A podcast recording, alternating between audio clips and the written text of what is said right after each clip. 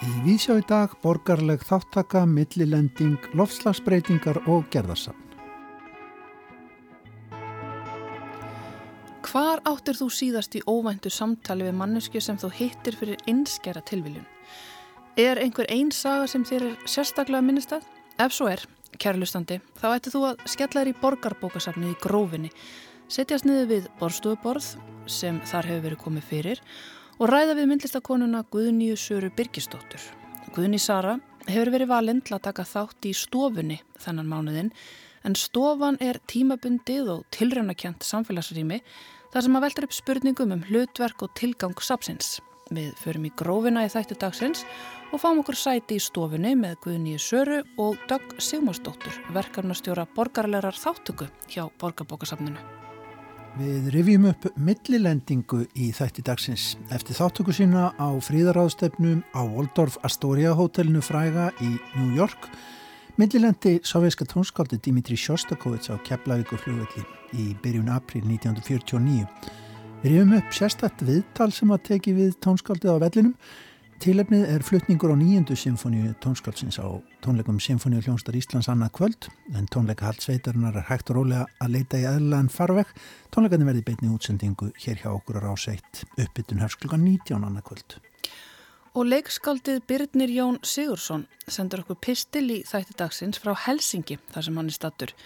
Næstu vikurnar ætlar Birnir Jóna að fjalla í nokkrum pislum um lofslagsbreytingar og þá jafnvel út frá nokkuð starra samingi en því samingi úrlaustna og hindrana sem þær byrtast ástast í.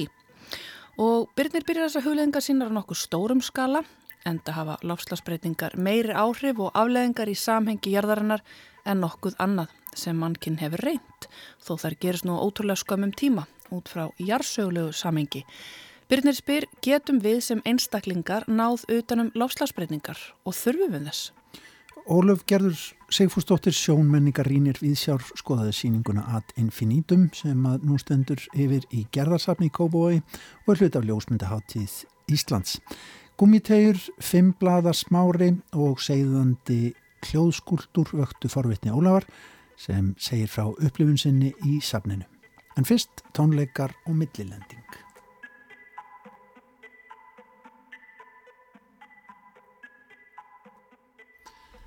Það verður að teljast mjög svo gleðilegt að á morgun annað kvöld hefjast á ný reglubundnir symfóniutónleikar hjá þjóðar hljómsveitinni í hörpu og hlustendur rásar eitt njóta góðs af. Eftir messufalli á hljómsveitinni síðustu mánuði hefur hljómsveitin verið að hýta sig í gang á ný með hátegistónleikum sem hlustendur okkar hafa heyrtað kvöldi hér á rásinni. En á morgun eru tónleikar án hljés að kvöldi til, hefjast klukkan 19.30 í bytni útsendingu hér á rás 1 en um að gera að benda á miðarsölu sem er enn í fullum gangi. Á undan útsendingunni hér hjá okkur frá klukkan 19 verður hlustendum veitt insýn í efniskrá kvöldsins sem samanstendur af tveimur verkum sem koma úr austri og vestri. Undir stjórn gríska hljómsveitastjórans Cornelius Mikaelaitis mun ukrainski fyrirleikarin Valeri Sokolov leika einleik í ljóðrennum og áhrifareikum fyrirlukonsert í bandarækjamansins Samjóls Barber frá árinu 1939 sem tónskaldið hófað semja í Sviss þegar óveður skí voruð að myndast yfir Evrópu og Barber þurfti frá að hverfa fara heim til bandaríkjana. Setnaverkið var hins vegar samið eftir heimstyrjöldina í Sovjetríkjunum það er Symfónia nr. 9 eftir Dimitri Shostakovits sem kom vissulega nokkuð á óvart þegar hún var frumflutt fáinum mánuðum eftir lok styrjaldarinnar. Ráðamenn þar eistra byggust við því að helsta symfóníu tónskáld Sovjetríkjana myndi semja stóra og glæsilega sigur symfóníu eins og hann var reyndar búin að gefa í skinn en úrvarð verk allt annars eðlislétt og galsafengin symfóníu með ný klassísku yfirbræði. Verkið fjall vel í kramið hjá áheyrendum og hefur gert það allar götu síðan en ráðamenn og gaggrinendur tónskáldsins lístu við nexlum sinni. En í sambandi við stríðslokkin og tónskáldi Dimitri Sjostakovits er kannski rétt að rifja upp þátt hans í friðarmálum millir austus og vestus að lokin í heimstyrjöldinni. Hvernig síminn ringdi hjá honum með dramatískum hætti eitt kvöldið, hvernig hann hjælt upp í langferð og jú, hvernig hann kom við á Íslandi á bakaleðinni.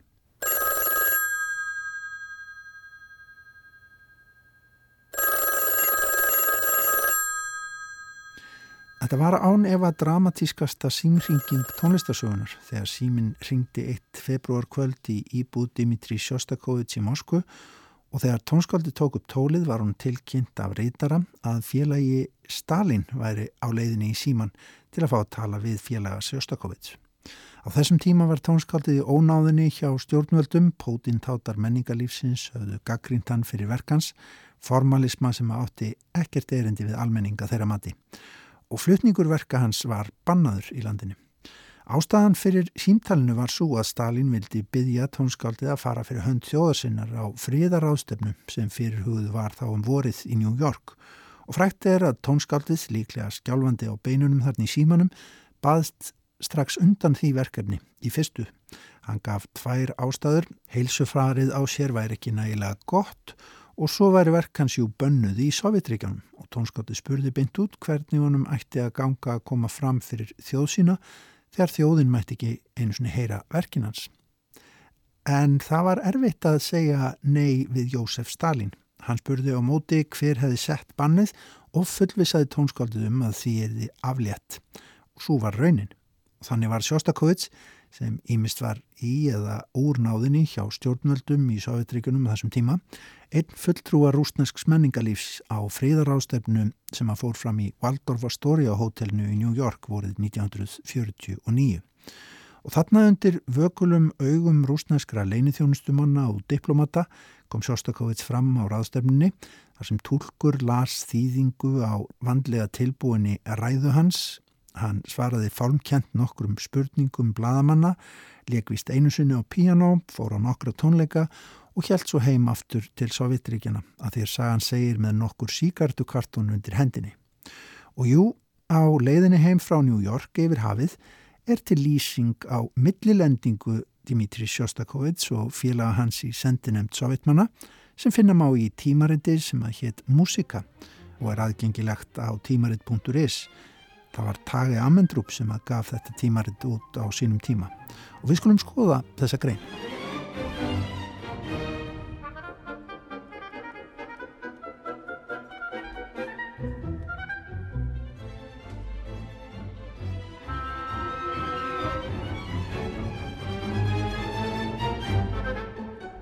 Og þessa grein, Sjóstakóðits á Íslandi úr tímarittinu Músika, reytar Allan Morrey Williams. Með greinni byrtist mynd af Sjóstakovits þar sem hann er á Keflavíkur flúvelli 5. april. Hann tekur Alan Morey Williams einnig. Þarna sést Sjóstakovits í dökkum frakka með sín enginandi glerugu með þykkum umgjörðum og mikinn hatt á höfði. Á frakkanum hangir einhvers konar skýrtinni eða slíkt sem að erfitt er að greina á þessar litlu mynd. En við hefjum lesturinn á þessari grein Sjostakovits á Íslandi. Sjostakovits er á Íslandi. Hér er uppröpunarmerki, rétt að nefna það. Fregnin bast okkur snemma morguns 5. apríl.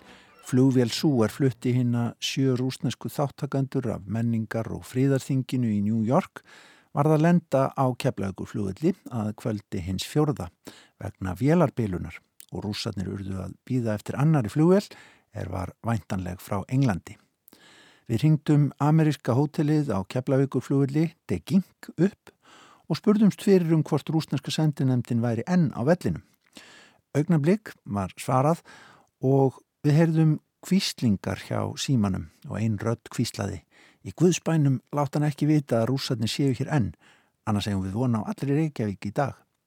Þá vissum við það sem við þurftum að vita og lögðum þegar af stað til Keflavíkur, fengum ókipis far, fyrst með örubíl og svo í enga fólksbíl.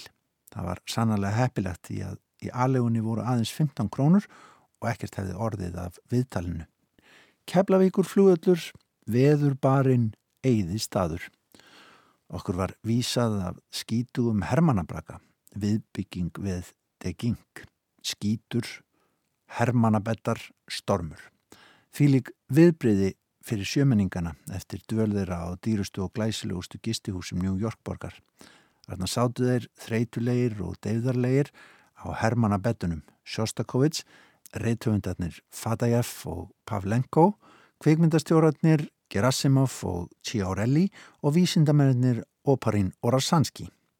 Þeir hefði ekki nota sér leifi íslensku stjórnmaldana og farið til Reykjavíkur. Við undrumst yfir því og við undrumst enn. Var það draumur eða veruleiki að við fengum tækifæri til að virða þetta merka tónskáld fyrir okkur. Það tónskáld er hafði með verkum sínum haft svipuð áhrif á okkur og Beethoven, Tchaikovsky eða Chopin. Höfundur hinnar dásamlegu Leningrad-symfoníu er lýsir á átakarlegan hátt, baráttu, þjáningum, hugrekki og fórnfísi hins þjáðamannkins er barðist fyrir frelsi sínu. Vegna þess að tónskaldið var rúsneskur borgari var hann jafn fjarlægur og dularfullur og vera frá öðrum netti. Útlitans var eins og í myndum þeim er byrst hafa af honum, lítill, hóraður, eilítið kúp, takslaður, kvítur í framann og hatturinn slútti yfir augun. Varirnar voru þunnar og hakan lítill og hortspangarglerugun voru þykk og höfðu öll völd á efri helming andlitsins. Við tókum sérstaklega eftir tauga óstyrk hans. Hann nýri hinnar löngu kvítu og nær því kvenlegu hendur sínar í sífellu, vibraði andlit sitt og var á sífeldu yði. Hann skrifaði napsitt í afmælistagbók okkar og valdi eftir mikla og nákama leit fyrsta mæ sem komudagsinn Hann er fættur 20. og 5. september. En þá stundum við upp erindi okkar og viður kendum að við værum ekki ríthandasafnarar heldur komnir til að hafa viðtal við hann. Við töluðum við Fatajeff stjórnanda fararinnar og formann rúsneska rítvöndafélagsins. Í útliti er Fatajeff algjör mótsetning tónskálsins, hann er hár, þrekin með solbrunnið andlit og sjálfs ánaða framgöngu og axlir eins breyðar og þær eru á íslensku lauruglu þjónabúningunum. Fatajeff gaf okkur leifi til að fá viðtal við tónskáldið. Hvaða áhrifum örðu þér fyrir í bandaríkjónum, spurðum við tónskáldið. Okkur líkaði yfirleitt vel. Ráðstefnan var mjög vel hefnuð og allstaðar þar sem við komum fram var okkur feiknar vel tekið. Okkur hefði langað til að vera dáliti lengur í bandaríkjónum og kynast lífinu þar betur. Heyrðu þér nokkra hljómleika þar? Ég hlustaði á Stokkovski stjórna Bæði hann og hljómsveitin voru stórkosleg. Var ekki talað um að þér stjórnuðu uppfæslu einnar af symfónium yðar sjálfur? Jú, mér hefði langað til þess, en bandariskum yfirvöldum fannst það ekki ákjósanlegt. Hvernig eru tilfinningar yðar eftir hinna fjandsamlegu gaggrinni er verk ykkar hafa hlotið í Rúslandi til dæmis Lady Macbeth of Mistinsk? Gaggrinni hefur hjálpað mér mikið í vinnuminni, þar sem hún hefur fært mig nær fólkinu. Álistamæður alltaf að vinna fyrir fólkið og taka vilja þess fram yfir sinn. Já, listamæður getur ekki einangra sig frá fólkinu en verður að taka þátt í hugsunum þess og vandamálum. Á hvaða vestránu tónskáldum hafið þér mestan áhuga? Til dæmis Kóbland, Görsvinn og Harris? Eru þér að semja eitthvað nýtt verk? Já, Óratori um mannlega náttúru. Okkur hefði langað að spyrja margra fleiri spurninga því hann svaraði með mestu ánægi. En stjórnandi fljóvallarins, William Riley, kom inn í þessu og bauð rúsunum að koma til enga hýbíla sinna. Okkur var búið að vera með þeim og augnabliki síðar sátum við í jæppanum við hlið tónskálsins. Í brakka Riley var piano og Sjóstakovið settist niður og hófa leika verk eftir sig. Fjörugan þjóttans sem hefur hljómað í eirum okkar síðan. Á því augnabliki er hann snerti tónborðið kvarf tauga og styrkur hans eins og hann væri strókin af honum. Við höfum sjaldan séð mann ánaðari en tónskaldið er hann leka á píanóið á keflaugur og sjaldan jafn tauga og styrkan mann eins og þegar hann leka ekki. Er við kvöldum Sjóstakovits höfum við það á tilfinningunni að hann var í maður með tvískipta og hrelda sál.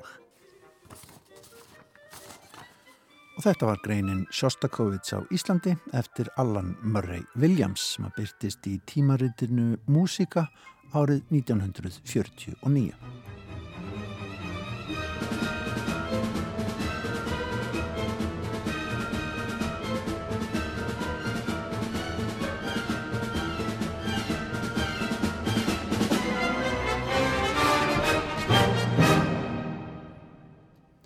Lokatónarnir úr fyrsta kaplanum í nýjöndu symfóníu Sjóstakovits, hún verður á efnisgra á tónleika Symfóníu hljómsundar Íslands annan kvöld í beitni útsendingu líka hér á seitt.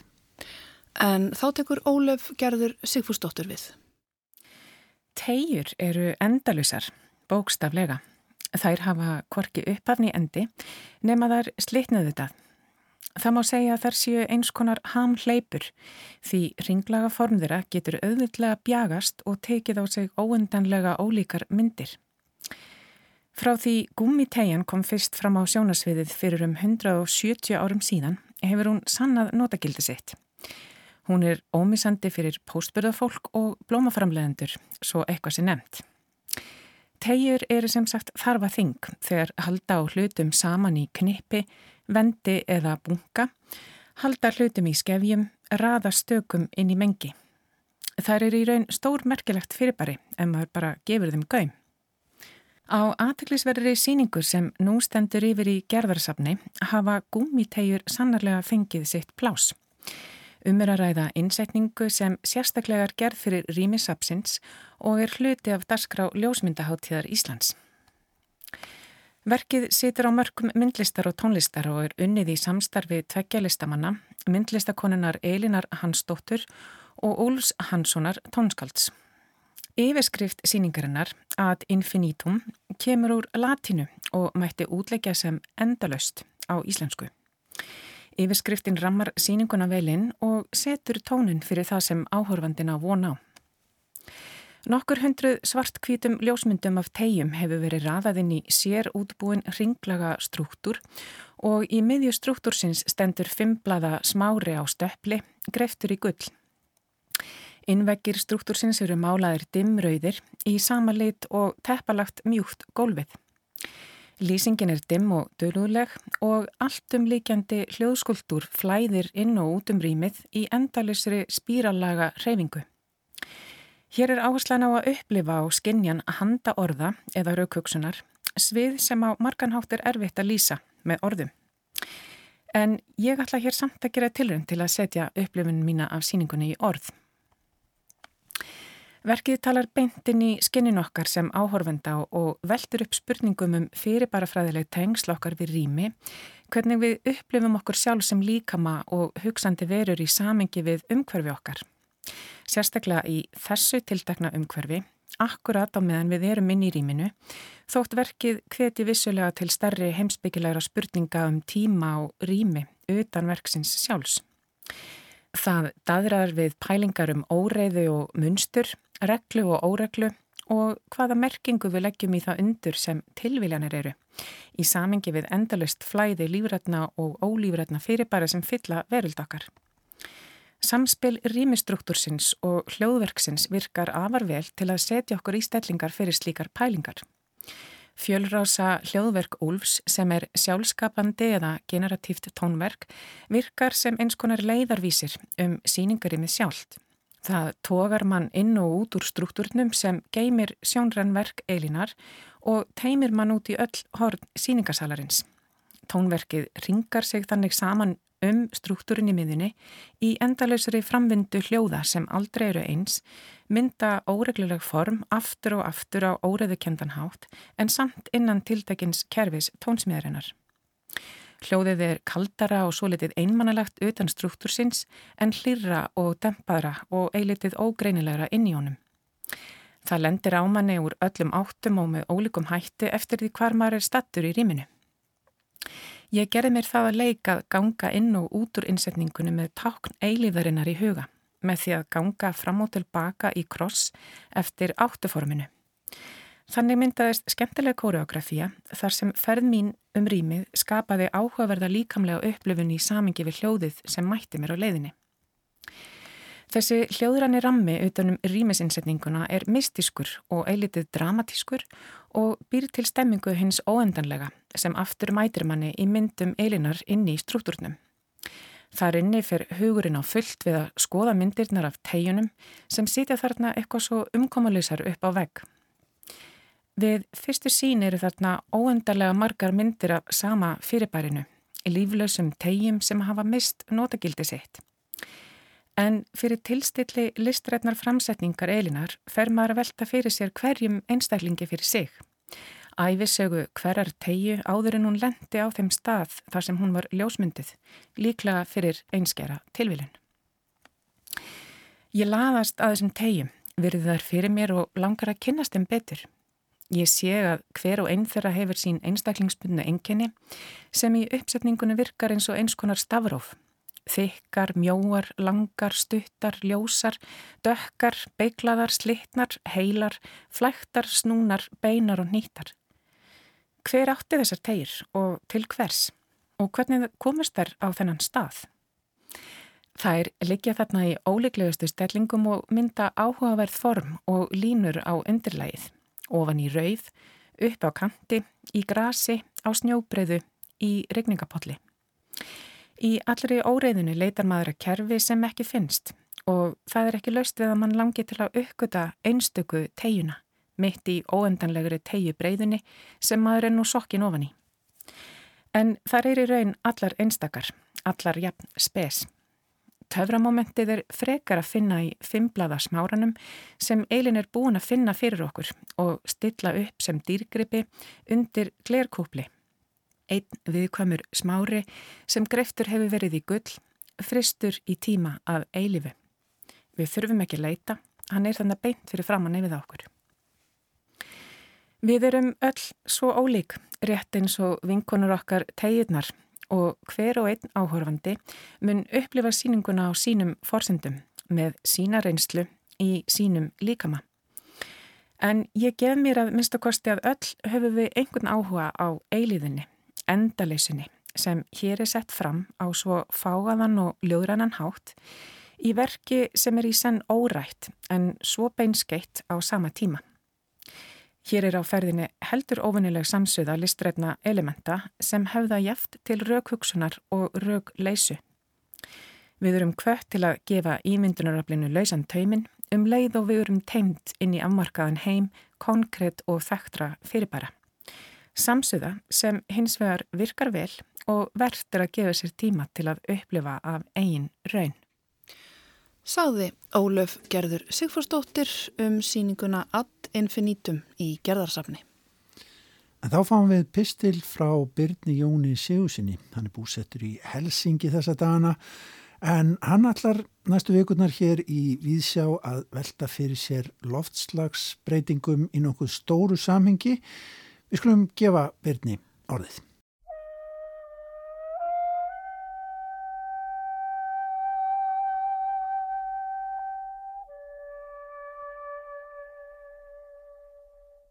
Árið 1977 var könnunarhnetti skotið út í geim frá jörðinni.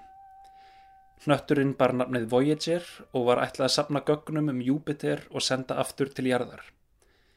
Þessu litla ómannaða geimfari var ekki ætlað að snúi tilbaka, heldur halda áfram brefasendingum á ferðsinnum geimin svo lengi sem það gæti, þar til einhver tíman, eftir hundruð, þúsundir eða miljónir ára, að það lendir í árekstri eða finnst. Á farinu er gullplata sem inniheldur myndir og hljóð úr samfélagi manna, leðbenningar til að búa til tæki til að spila hljóðin, auk staðsendingar jarðarinnar, ef svo ólíklega vildi til að könnunarnötturinn kæmist í kynni við önnur samfélög, einhver staðar út í hennum óendanlega geimi. Voyager syndi verkefni sínu af stakri príði. Farið sendi geimvísindafólki meikilvæg gögnum Júpiter og sólkerfið okkar og sinnir því enn þann dag í dag. Nú er könnunarfarið komið út úr sólkerfinu en þegar það var enn í nágrinn okkar byrtust reglulega myndir frá því í dagblöðum um heimallan. Nærmyndir af plánetunum, fallegar myndir úr sólkerfinu. En svo mynd sem valdið hefur mestum hughrifum hjá fólki er mynd sem geimfarið tók 13 árum eftir geimskotið, 6,4 miljardar kílometra í burtu. Á myndinni sjást ljósrákir Dreifðir ljósgeislar sólarinnar lita loðréttir rendur í mynd af svörtum, tómum geimnum. Innan í einni þessara randa er lítill fölblár debill, eins og rispa á filmunni. Það er þessi tíundi hluti pixels sem setur allt í einhvers konar samhengi. 6,4 miljardar kílometra í burtu snýri Voyager sér við í síðasta skipti og beindi sjónum sínum aftur heim. Myndin er af jörðinni heimili okkar, ekki nema lítill fölblár depill í óravítum alheimsins.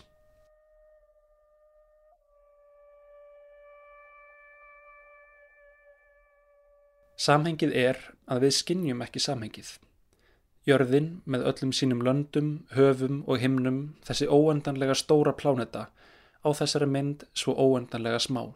Tími okkar hér ekki nema tif í jarðklukunni. Stærðir og tími. Myndin frá Voyager veldur þörstæðu kendum hughrifum. Samtímis verður tilveru okkar sérstaklega ómerkileg og einstaklega dýrmætt. Hvert augnablík, lítið og stórt. Tilgangsleysi og tilgangur spenna greipar faðmlag, brós, ristað brauð, fádæma mikilvægar merkingarlýsur. Þessari pislaröð er ætlað að fjalla um loftslagsbreytingar og mér fannst við hæfi að byrja hugleðingar mínar á þessum þverstæðum stærðar og tíma í ljósi þess að loftslagsbreytingar hafa meiri áhrif og afleiðingar í samhengi jarðarinnar en nokkuð annað sem mannkinn hefur reynd. Loftslagsbreytingar gerast á ótrúlega skömmum jarðsögulegum tíma og munu hafa áhrif af ótrúlegri stærðargráðu á ótrúlegar tímalengdir. Vegna stærðar loftslagsbreytinga og umfangs aðgerða sem þær krefjast er erfitt að leiða hugana þeim. Því spyr ég, getum við sem einstaklingar náð utanum loftslagsbreytingar? Þurfum við þess?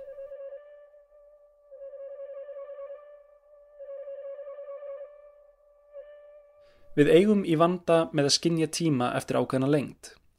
Við getum auðvöldlega skilið sólarring, getum náð utanum viku og mánuði að einhverju leiti og hugsa um stærra samhengið í fríum, misserum, árum, skólagöngu, störfum, barnegnum. Við getum talað um áratvíi en eigum erfitt með að sjá þá fyrir okkur. Við tölum og skrifum um aldir og árþúsund en getum illa gert okkur grein fyrir tímanum. Tugir árþúsunda, hundraþúsund ár, miljón ár. Við höfum ekki hugmyndum hvað það er. Í þróunarlegu samhengi þurfti maðurinn aldrei að hugsa lengra fram með tíman en nokkur ár. Okkur er ekki eðlislegt að gera það.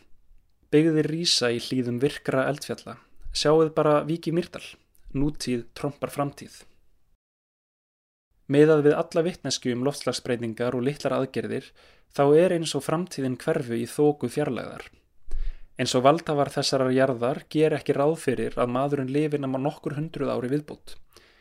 Hvers vegna ekki að gera ráð fyrir 10.000 árum í viðbót, 100.000 eða miljónum ára í viðbót af samfélagi manna í sjálfbari sátt við jörðina?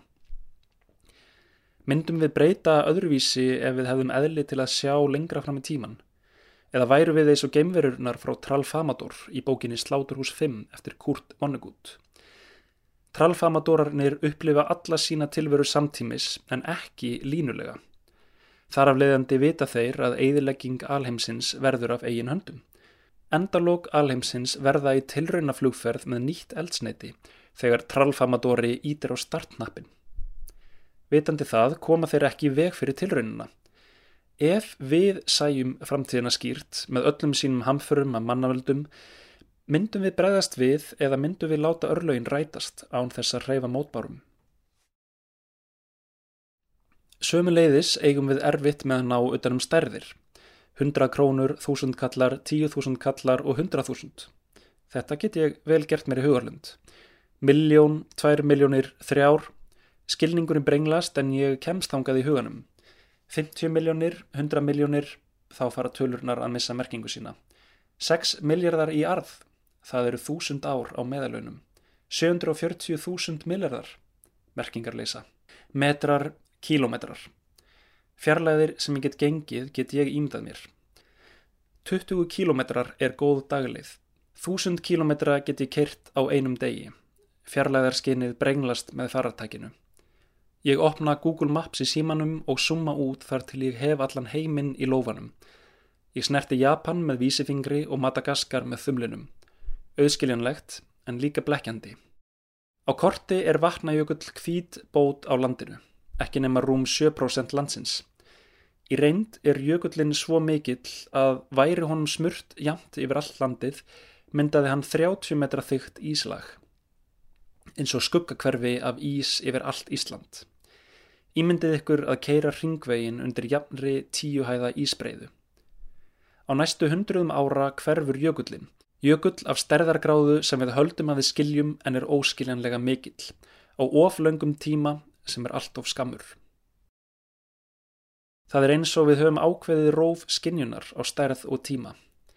Ef eitthvað lendir utan þessa rófs til dæmis 10 terakrónur eða 5 kíló ár, þá er eins og veruleikin sem þessar mæleiningar standa fyrir hverfi í tölfræðilega þóku. Þessu er kannski hægt að lýsa sem umfangsteyfð. Til er hróttaleg tilvinnun sem lýsir þessari aftengingu við stærðir. Hún er einhvern veginn svona. Morð er hryllilegur glæpur, þjóðarmorð tölfræði. Hægt væri að bæta við og sjötta útrýmingin neðanmálskrein. En þrátt fyrir að þessar stærðir séu handan skilnings okkar sem einstaklinga, þurfum við að geta skilgreynd þær og mælt. Tera, giga, peta. Ártöl og tímaásar. Vísinda fólk safnar göggunum, reiknar stærðir og í samstarfi sín á milli hefur það púslað saman heimsmynd af hlínandi heimi. Sem einstaklingar skiljum við ekki, en við höfum búið til kerfi vísinda sem skilur og færir okkur óyggjandi niðurstöður á samt lausnum. Það þarf að bregðast við og við höfum aðgerða áallum. Í bóksinnu um tíman og vatnið stingur Andrisnær Magnusson upp á að við hugsum um tíman í ást. Hann talar um snertanlegan tíma.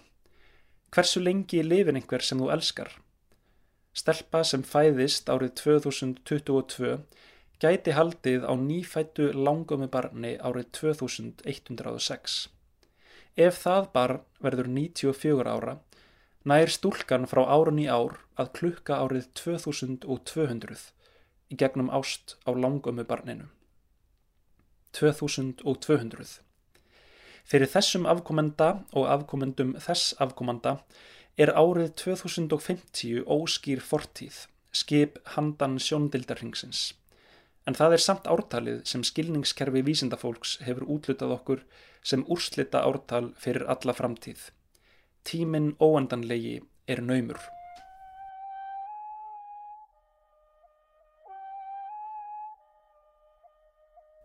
Við mannfólkið eigum til að ofmeta hverju við fáum áorkað á einu ári og vannmeta hverju við fáum framgengt á tíu. Úr bókinni Surviving the Climate Crisis. Sem einstaklingar getum við skinnið loftslagsaðgerðir eins og við skinnjum jörðina á myndinni frá konunarnettinum Voyager. Allar gjörðir okkar svo óendanlega ómerkilegar í hennu stóra samingi en á sama tíma einstaklega mikilvægar og dýrmætar, eins og eilíft augnablík. Um myndina frá Voyager hafði Carl Sagan, einn vísindamannana sem stóð fyrir gameskotinu, þetta að segja. Líklega er ekki til skýrari vittnesburður um hegóma mannsins en þessi mynd af okkar litla heimi. Fyrir mér undirstrykar myndin skilduna sem okkur ber að sína hvert öðru meiri gesku, að varðveita af umhyggju þennan fölbláa debil, heimlið okkar eina. Í þessum pistli spurði ég hvort við gætum náð utanum loftslagsbreytingar og hvort við þyrtum þess. Ég held að svarið við báðum spurningum sé nei. Sem einstaklingar getum við ekki náð utanum loftslagsbreytingar en við búum yfir kerfum skilnings sem geta það og það sem við þurfum að gera er að sína hvert öðru meiri gesku, vinum, ókunnugum, dýrum, náttúru. Gesku sem er ekki óvirk heldur virk, beinskeitt og gefandi og fælst í skarpri kúvendingu á hegðun okkar og hátum. Frá kerfi hugsunarlausrar ofnýtingar yfir í kerfi sem hefur varðvistlu og umhyggju að leiðarljósi. Fyrir jörðina, heimilið okkar eina saði Byrnir Jón Sigursson. Hann heldur áfram í næstu viku að velta fyrir sér loftslagsbreytingum hér á nokkuð stórum skala í Víðsjá. En þá förum við niður í bæ. Þá eru komið niður í mig bæ. Alltaf mikið að sækja hingað í bæin. En nú er ég stödd á borgarbókasafninu í grófinni. Og það er mikið um að vera á bókasafninu borgarinnar. Allskynnsverkefni sem að uh, miða því að gera söfnin aðgengilegri fyrir alla hópa samfélagsins. Eitt þessara verkefna kalla stofan og þetta er eins konar svona tímabundið samfélagsrými þar sem að ólíkir einstaklingar fá afnót af einhvers konar rými í mánuði senn og þar getur viðkomandi sett fram og móta sínar hugmyndir um það hvernig almennisrými bókasafnið eigi að vera og kannski bara almennisrými almennt ef út í það er farir. Þetta er svona eins konar opið samtal held ég, jáfnvel rannsókn eða tilraun en ég er hérna búin að hóa í eina konu sem er verkefnastjóri borgarlegar þáttöku hérna á borgarbókasafninu. Dögg Sigmarsdóttir, takk fyrir að koma og hitta mig hérna. Sæl, við stum bara að kella velkominn á bókasafni Til að byrja með, ég verða að segja mér þetta er svona einn fallegasti starfstitill sem að ég hef heyrt. Verkefnastjóri borgarlegar þáttöku segðu mér aðeins frá honum fyrst. Já, hann er líka glænýr. Þetta er sem sagt, já, ný staða sem ég er í byrjaði bara hérna 2019 og uh, í rauninni snýst þessi starf, mitt starf snýst um að fá fleiri til þess að gera bókasafnið að sínum eigin stað. Stað þar sem þú gerir þitt eigið, stað sem að þú um, farið að móta og taka þátt í að móta hérna dagskrona á bókasafninu og við erum rauninni bara að reyna að opna alla ferla í dagskrárgerð og mótun sjálfs rýmisins líka, fá notendur með okkur í að hanna það mm. og stofan er svona eitt verkefni mm -hmm. uh, sem stiður okkur í þessu mm -hmm. þess að við erum að byggja fólk til, um að aðstofa okkur -hmm. og segja okkur ef að bókasafni væri þitt samfélagsrými og samfélagsrými er þessi staði þar sem hægt er að byrja hefja samtal hægt er að hérna, hitta ókunnuga eða, eða óvænta svona, þetta óvænta sem að hérna, til er því að að vera í samfélagi Akkurat. og það er þessi samfélagsstæðir og stofan er tilrönaverkefni þar sem við erum að skoða bókasafnið ef það verið samfélagsstæðir mm. um. Einmitt Spurjum hérna listakoruna sem að tekur þátt þennan mánuðin betur út í stofuna hér á eftir mér langar samt aðeins svona að velta þessu fyrir mig betur með þess að borgarlega þáttöku Er þetta nýr fókus hjá borgarbókasafninu að um, svona reyna að opna safnið og gera það aðgengilegra fyrir alla hópa? sko bókasafni hefur kannski verið um þessi staður með hvað lagstan þröskuld mm. Í samfélaginu. Það er ekki margir staðir, þessi almenningsrými sem erum virkilega aðgengilega öllum og þarf ekki að borga þig inn og getur bara verið eins og, eins og ert mm. og það spyr enginn hvert að gera þetta. Þú færð bara að vera. Ja.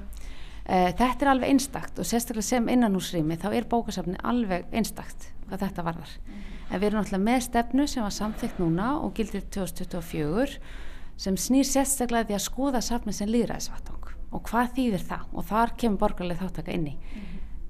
að vera líðræðisvættvangur þýðir að notandi getur haft áhrif á umhverju sitt. Og þú getur gert það með svo mörgum hætti.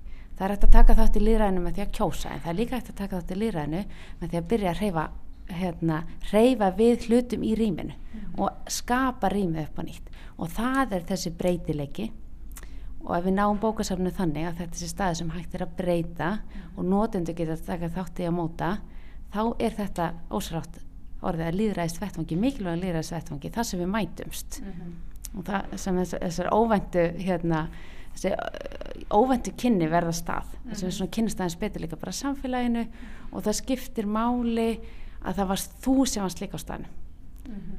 það er svona kannski munurinn við hérna, bókasafni sem líðræðist vettvang og það mæta viðbyrði í hörpunni eða annars staðar að það kannski skipti ekki öllu máli að þú varst á symfóníu tónleikonum það skipti þig kannski mjög miklu máli mm -hmm.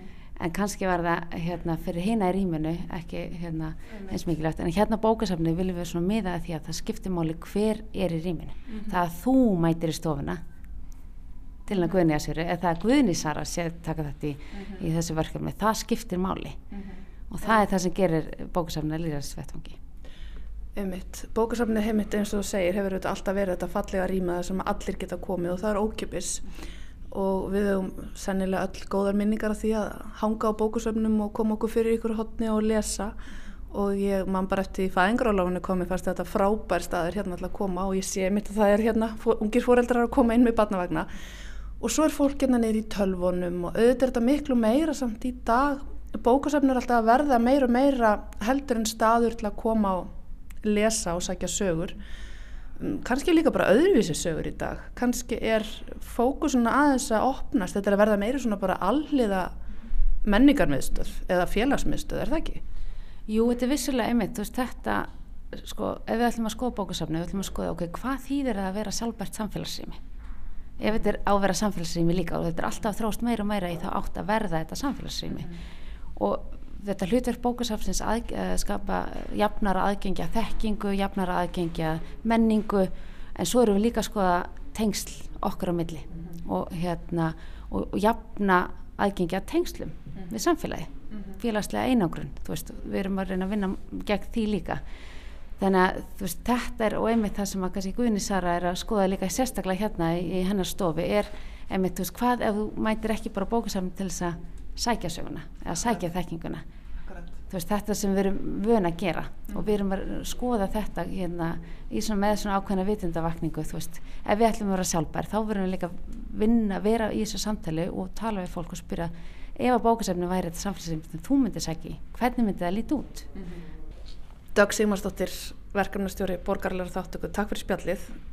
Við erum sestar hérna niður í þetta rými Guðnísara sem að þú ert að skapa þú opnar hérna síning í dag innan þessa verkefni stofunar þá hafa já, ólíkir einstaklingar með ólíkan bakurinn tekið þátt, aktivistar, rithundar og, og alls konar manneskjur og þú ert að taka þátt hérna, opnar í dag, segðu okkur frá þínu verkefni, þú ert myndlistakonna og hönnur, tildulega nýjútskrifuð ekki satt?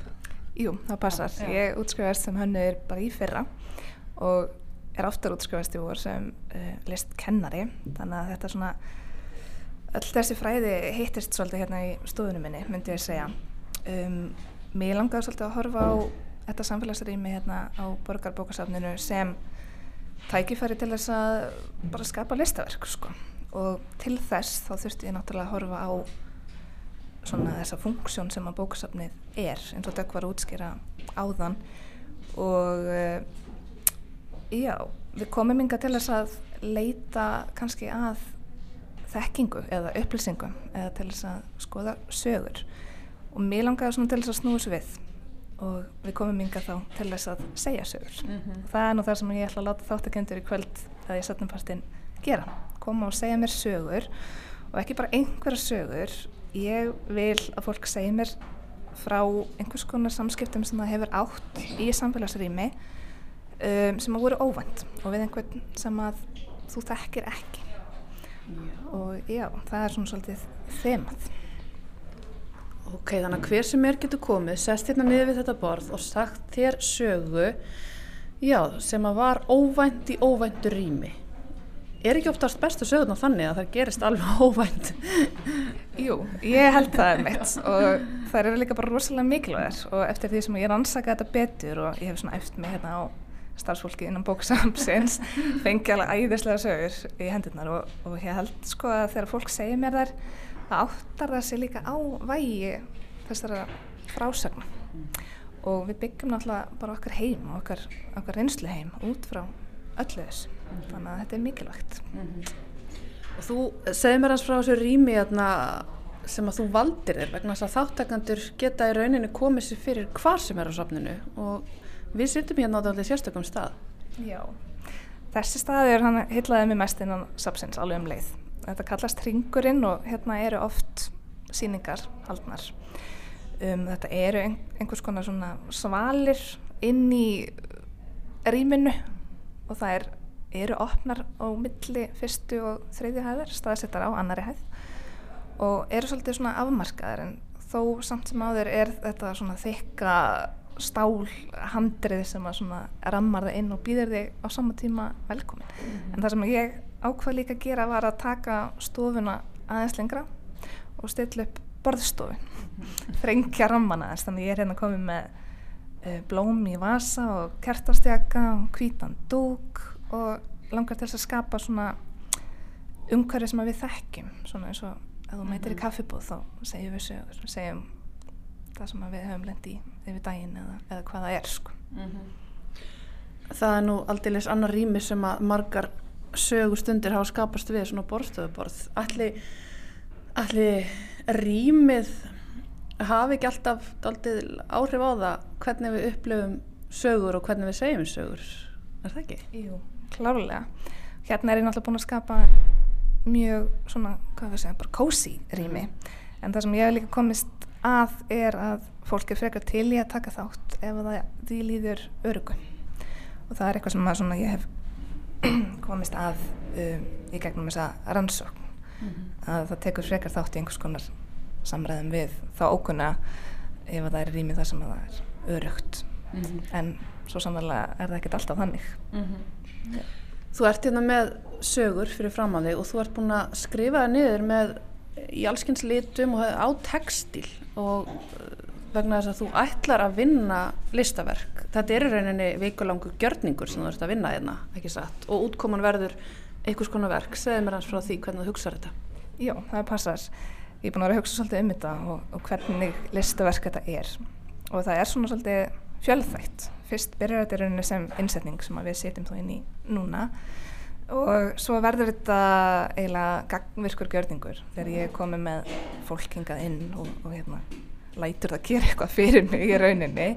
En það sem ég er búin að gera líka er að ég er búin að fá mér efni sem að uh, er til dæmis hör og gresja og bakgram og þetta er allt efni sem eru nýtt í uh, kápugerð eða bókagerð bókband. Þannig að ég mun búa til úr þessum sögum uh, svona einhverja afbyggða bók í rauninni.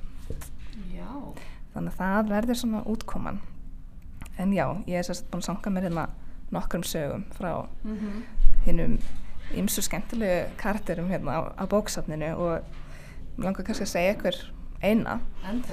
Um, það er hérna starfsmæður sem er ekki íslensk en búin að búa hérna í, í langan tíma og á íslenskan mann og hún var í sundi með vinkonu sinni. Og þar kemur upp að þeim maður og fer að þylja upp alla þá hvað maður að segja alla þá hérna starfsferðla sem hann hafi gengt yfir æfinu og þar var meðal annars að hann hafi verið sko einhver rosa skák hérna mistari og lífverður bóði fyrir sér og rock dansari og lauruglumadur og það er alveg, já já ok, kallið minn. Og hérna voru svona alltaf ekki alveg að kaupa þetta. Og svo kemur hann heim og fer að segja manninu sinu þess að sög hann býtu, já, héttan Sæmi Rock. Já, þannig að þetta var svo satt hann. Og þarna til dæmis eftir á tekur þátt í einhverju samtali og þú hugsaðs, já, já, þessi maður gengur nú kannski ekki alveg heilt til skóar eða eitthvað svo leiðis en kemst þú að því eftir á. Þetta var bara allt saman satt. Magnaður karakter þarna. Ertu til að deila með okkur annari sögu? Já Uh, það er kannski ein hérna sem ég tengi svolítið við af því að ég á hund og það er önnur starfskona hérna sem á, á hund og tengir oft svona þessi ólíklegu samtöl við það þegar þú ert út að lappa með hundin og hvernig við kannski berum það saman við þegar þú ert svo kannski úti að lappa með barnið þitt þá lendur við stundum líka í einhverjum svona óvandum samtölum. En það er svolítið fyndið að bera það saman og við spurum kannski svo skrítan spurninga með hundana sko, kannski bara hvaða tegund er hundurinn og hvað er hann gamall og eitthvað svona og, og hérna og það er einhvern veginn alltaf alltaf jákvæð samskipti í rauninni sem þú átt í, í svona óvöndum mm -hmm. samtölum sko mm -hmm. svo er annar sem að myndi vel eftir því þegar hann var með eins og barnið sitt út á rólavelli ekki íslensku mælandi og þar situr gammal maður að bekk og fyrir að tala við hann og hann segir fljótt að hann skilja hann ekki því að hann er ekki íslenskur og hann heldur bara áfram að tala íslensku og fyrir að kenna hann um að, að fallbeja þannig að begnum á róluvellinum hann fannst það alveg endislegt og hann tengdi orðið learning eða bara að læra og orðið thankful eða þakkláttur við þessa sögu mm. sem mjög stoltið bara fallegt líka þannig að við eigum ótrúlegustu mm. minningar mm. þessi tengdu og kannski einmitt eitthvað þar sem við lærum Nákvæmlega, það er áhugavert þess að sögur sem þú ætti að deila hérna, þetta er sko kannski einmitt rýminn þar sem að svo sögur oft svo spretta eins og í heitapottunum eða í göngutúrum með gæludýri mitt eða út á róló, ekki satt, Dögg, þú ert en það hérna, hvað finnst þér um þetta? Er ekki, það eru svona ákveðin rými þar sem að sögur vera til. Algjörlega, eins og Gunnisvara minnist á, ég menn eitt er að upplifa sig örugan. Mm -hmm og, og eitt af þú veist, sem, maður er alltaf að skanna svæði á hans kannski vita af því. Og ég menna þú veist, það eru margar reynd konu sem að kannski hafa aldrei tekið eftir að þú veist, þegar það er lagbútt úr húsi þá byrja, sko, mm. þeirra áhættu hegðun eða áhættu mat er bara allt annað heldur en kannski hérna bræður þessara hvenna þegar þeir, þeir lagbútt úr húsi.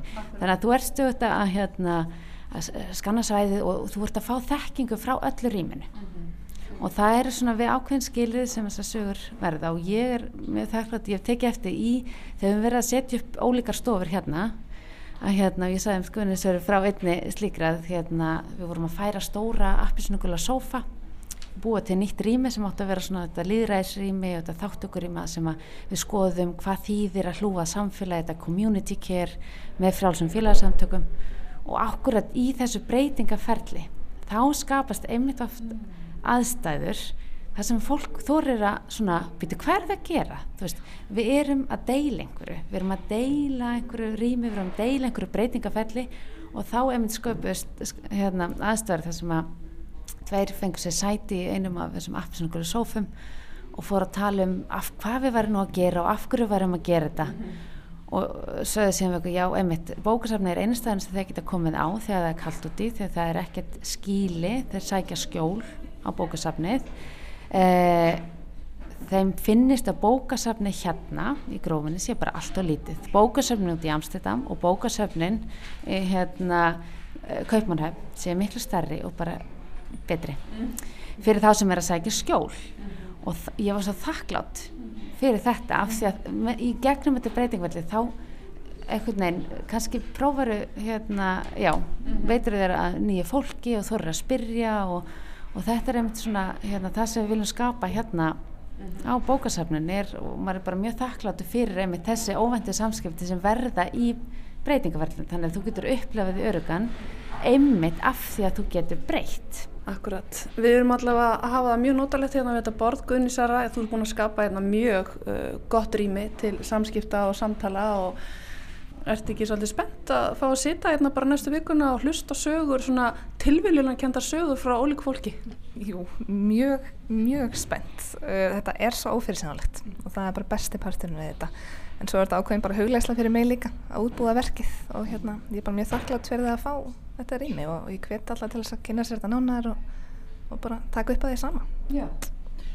Og áhuga sami hlustendur sem vilja koma og deila sögu sem verður síðan hluta listaverki geta komið hérna í grófina eftirmiddaga í út næstu viku og ég þakka þér Guðni Sara Birgistóttir, myndistakonna og Dögg Sigmarstóttir, verkefnastjóri borgarlegar þáttöku fyrir þetta samtal hérna í stofunni í grófinni. Takk. Takk fyrir. Já, nú femmaðu bara í borgarbókasafnið eh, í grófinni og með öll sín leindamál segir frá þeim.